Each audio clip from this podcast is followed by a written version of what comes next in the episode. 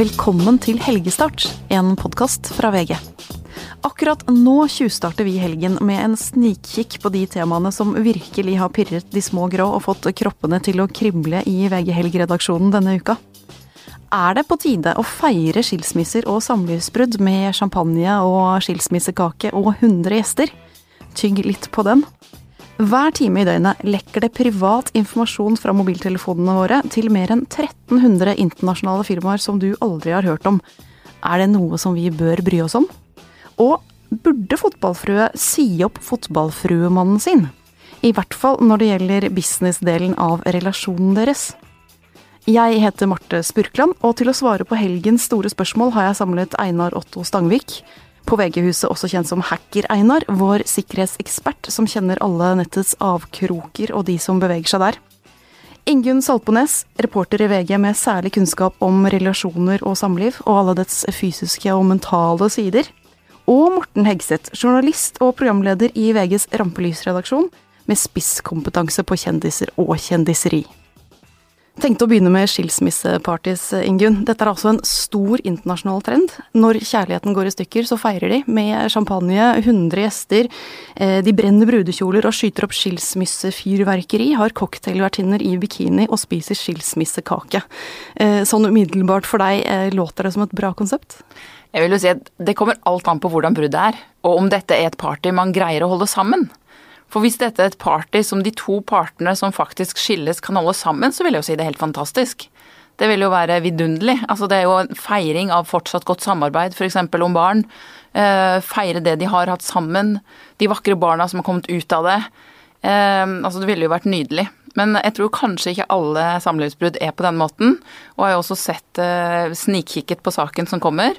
Eh, at det bl.a. er noen som da har en skilsmissekake hvor det, hvor det står sånne type ting som at eh, 'put him in the trash' og den type ting. Da lukter det kanskje litt at man har blitt bedratt og forlatt.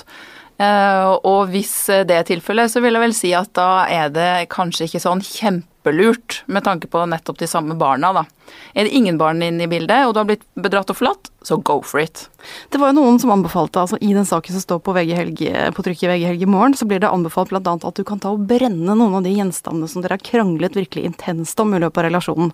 Altså har han et stygt fett hjortehode hengende over peisen, så hiv det på flammene og, og få noen venner til å danse rundt det. Eh, er vi da over i det liksom parodiske og groteske?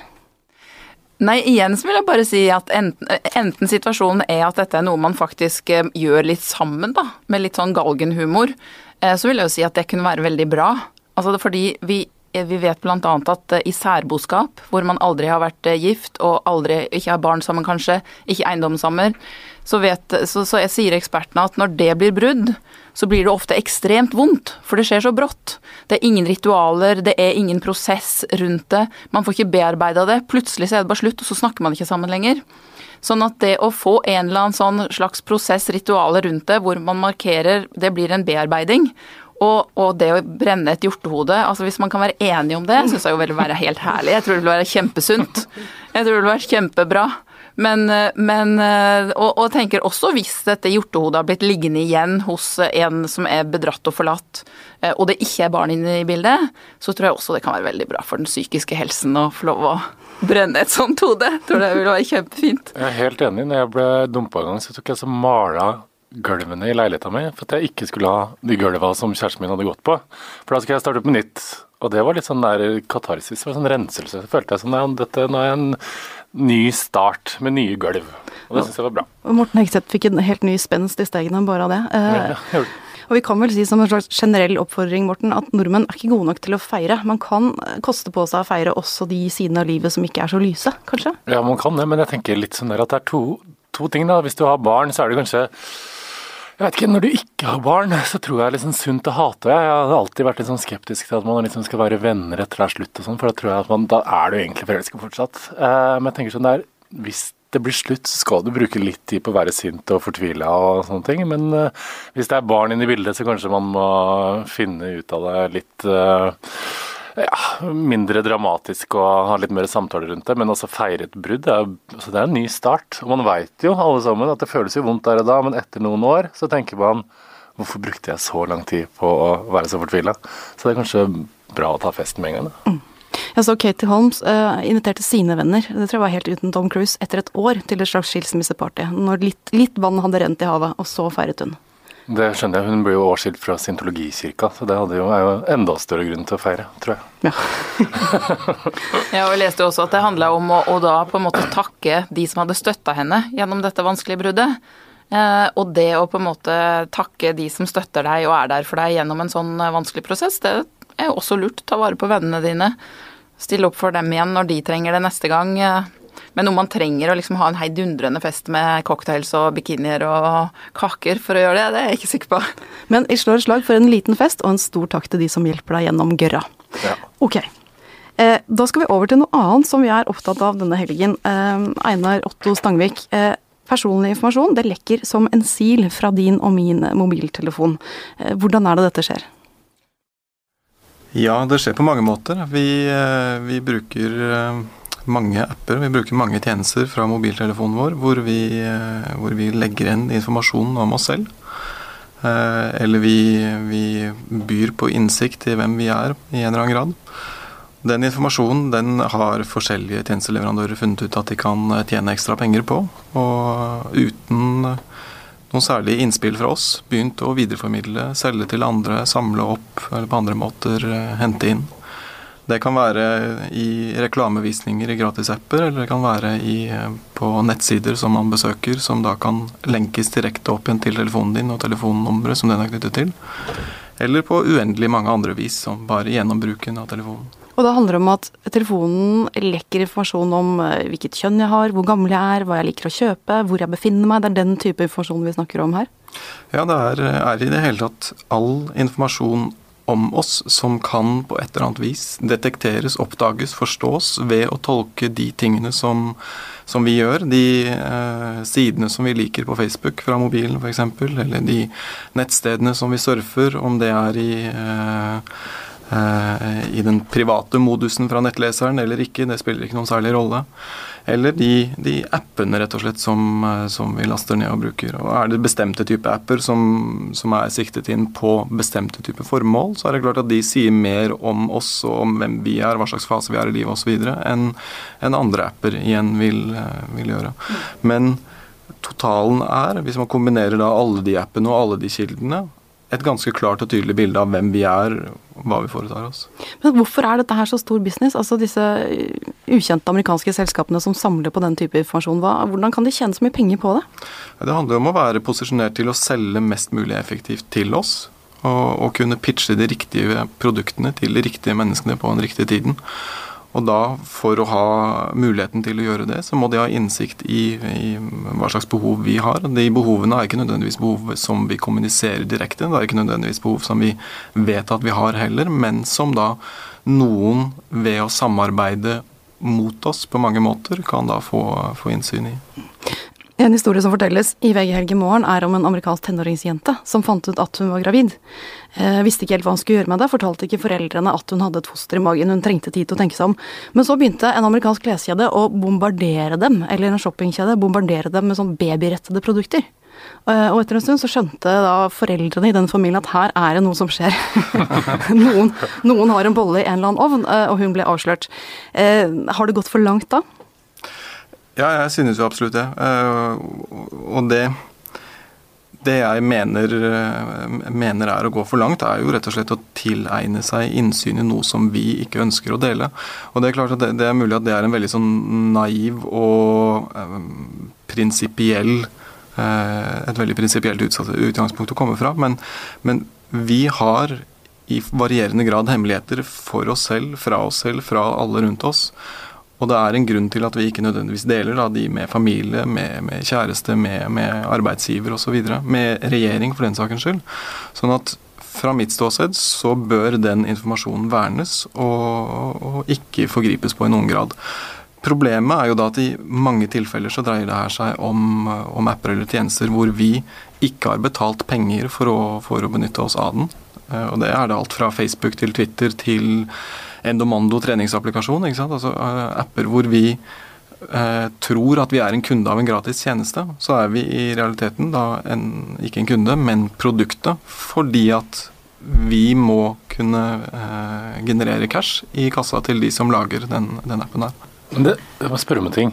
Så tenker jeg at Hver gang jeg leser om det der, man har jo lest om det før, liksom Facebook som veit alt om det her, og det vi snakker om nå, tenker jeg alltid sånn der ja, ja, så tenker jeg sånn, ja, det bryr meg ikke. Så tenker, ser jeg på alle de som bryr seg, så tenker jeg liksom at det er litt hysterisk. Er det uansvarlig av meg å ikke liksom bry meg om det? Jeg vet ikke om jeg kan si at det er uansvarlig, men det er, det, det er jo en øh, Man kan kalle det øh, en nødvendig solidaritet da, i å bry seg også om de andre som, som er, har sterkere prinsipper på hva som er privat og personlig for de. Uh, og Så kan man snu på det og si det at sånn, kanskje kan de menneskene som da er mer private og prinsippfaste, uh, være inne på noe med de holdningene sine. Kanskje kan vi da gi noe av den informasjonen som samles om oss per i dag, som per nå ikke gjør så veldig mye, plutselig gitt en lovforandring, da være i en situasjon hvor det betyr veldig mye. ikke sant? Altså at noe vi, vi gjør som per nå er, er helt uh, ufarlig, plutselig da uh, ender opp med å, gjøre oss til forbrytere. Så som hvis, vi, hvis alle som passer litt på hverandre i den situasjonen her, så tror jeg det, det kan gjøre det mye bedre på sikt. Jeg er jo blant de som syns dette er skikkelig ekkelt. Altså, Jeg har ikke lyst til at disse ulike appene skal vite alt om meg. Og det er jo alle mulige slags forskjellige apper man har om dagen, hvor det også er sånne chat-funksjoner. og det jeg lurer på, er at kan de også gå inn i lese meldingene? Altså registrerer de de meldingene som man skriver, som kan være ganske hemmelige noen ganger, da? Ja.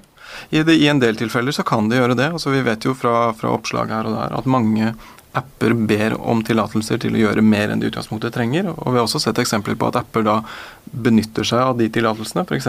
å lese ut tekstmeldingene dine, lese ut kontaktene dine, se hvor du beveger deg hen, og loggføre alt det der sammen. Og kanskje videreselge det også til tredjepart. Mm. Eh, vi må avrunde men helt til slutt, har du noe sånn quick fix? Hva burde vi gjøre? Er det noen apper vi bør bare kaste ut av telefonen med det samme? Eh, enkle grep? Altså, det vi må være mest skeptiske til, er de appene som vi får gratis, hvor vi ikke betaler eller gir fra oss noe bestemt eller øyesynlig for å bruke den.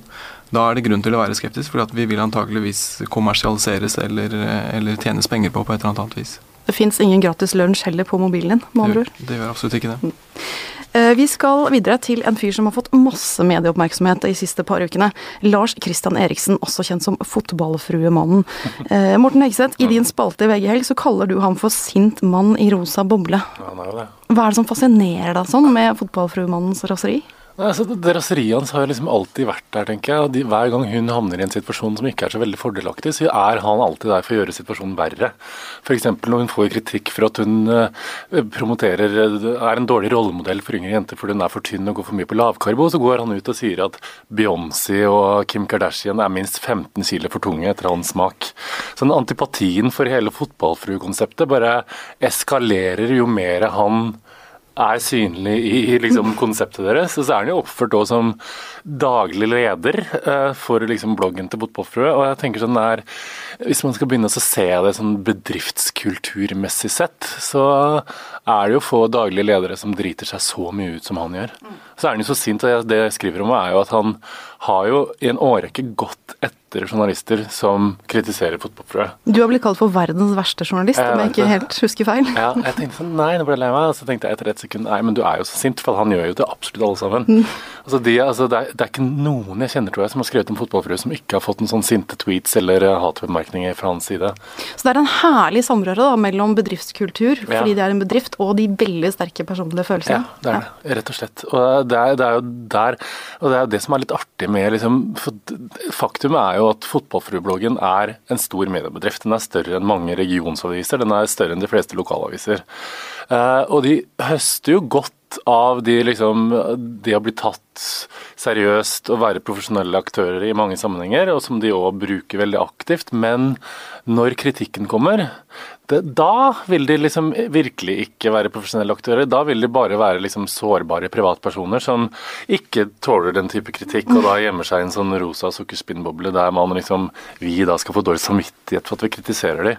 Så jeg tenker jo at de må bestemme seg for hva de er. er de, og det hadde jo vært greit å vite, for så vidt. Ja, for hvem er du? Det er jo også et uh, viktig spørsmål i den saken her. Fordi at uh, noen har jo ment at fotballfrumann er litt søt. Han, han tar kona si i forsvar nei, nei, nei. Uh, ut av kjærlighet. Men han gjør det jo under falskt flagg. Det er jo ikke sånn 'hallo, dette er fotballfruemannen som snakker, jeg syns dere er slemme mot kona mi'. Det er eh, 'jeg er en lege eller en næringsekspert og vil bare tilføre at'. Eh, fullstendig eh, forfalskning, med andre ord. Er det, Einar, du som ferdes på nettet en del, er det under noen omstendighet greit å seile under falsk flagg? Altså, jeg synes i utgangspunktet det kan, det kan være ok så lenge man ikke fremstår som en bestemt person, eller påtar seg en beskyttet tittel, eller gjør det for kommersielle, kommersielt øyemed, altså å beskytte eget produkt, hause opp eget produkt f.eks. Men det som han gjør i mange tilfeller her, er jo å, å, rett og slett hetse andre kommentatorer. Og da vil jeg si at under ingen omstendighet er det ok. Skal du si noe kritisk, så får du være være deg selv. Enig, så tenker jeg sånn, Det er mange som sier at det er søtt at han går rundt og forfalsker navn og er sint på folk som kritiserer kona og sånn. Jeg tenker at det er noe sånn primalt og gorillaaktig over hele. Det er sånn der, Me Tarzan, Jane, jeg skal beskytte deg. Det er liksom det er veldig sånn forhistorisk eh, og ja, jeg syns det er litt Ja, jeg syns ikke det er så veldig romantisk, i hvert fall. Nei, og han burde jo hatt styrken og integriteten til å, å, forsvare henne i eget navn. Altså Det er jo helt greit at han vil forsvare henne, men han får søren meg gjøre det som seg selv. Men så burde hun også hatt styrken og integriteten til å forsvare seg sjæl, for i 2015 så trenger du ikke mannen din til å gå etter, deg, gå etter dine motstandere. Det skal jo klare sjøl. Men altså en artig ting med det, etter at uh, alt dette er kommet ut for en drøy uke siden, halvannen kanskje, så har jo antallet følgere på Fotballfrue sin blogg blitt doblet. Altså, hva er det som skjer der ute? Ja, altså det, der tenker jeg er liksom den største misforståelsen i bloggverden. For hun tenker sånn Nei, men du har jo så mange lesere, du må være fryktelig populær. Nei, det trenger du ikke. Altså, hadde Fotballfrue drept noen, så hadde hun hatt en million lesere, det skal jeg love deg. Altså, det, det, er ikke det at det, sympatien eh, er eh, lik med liksom, lesertallet. Det er, noe som, det er jo et fenomen som heter for hate reading, hvis du googler det. Så er det veldig at man da leser liksom, ofte, i hvert fall blogger til kjendiser og sånn, og eh, mye populærkultur i liksom med en veldig sånn distanse til at det her liker du ikke, men du leser det fordi at det er liksom sånn der bilulykka, du, den skjer og du klarer ikke helt å se bort fordi at du må få det med deg. liksom. Mm, så det er rett og slett en slags nyhetstørst eller skandaletørst der ute, da, som ja. gjør at vi, vi klarer ikke å slutte å snakke om det heller. Altså, sitter, jeg hører det singler i glass nå når ja. jeg sier dette her. Eh, men altså, som du sa, han er eh, fotballfruemannen, er jo da styreleder i selskapet hennes og administrator på hennes blogg. Du syns rett og slett at hun skal vurdere å si ham opp, eller? Mm, absolutt. For jeg tenker, som jeg sa innledningsmessig her, at hver gang hun kommer ut i hardt vær, så er jo han der for å gjøre situasjonen verre.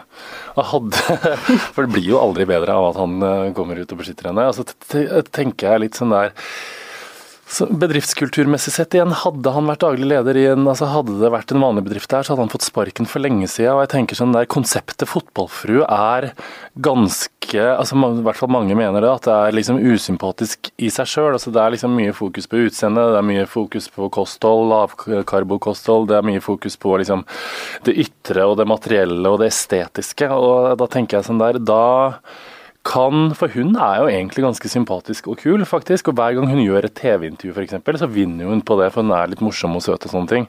Så jeg tenker sånn, du trenger ikke en mann som står der som en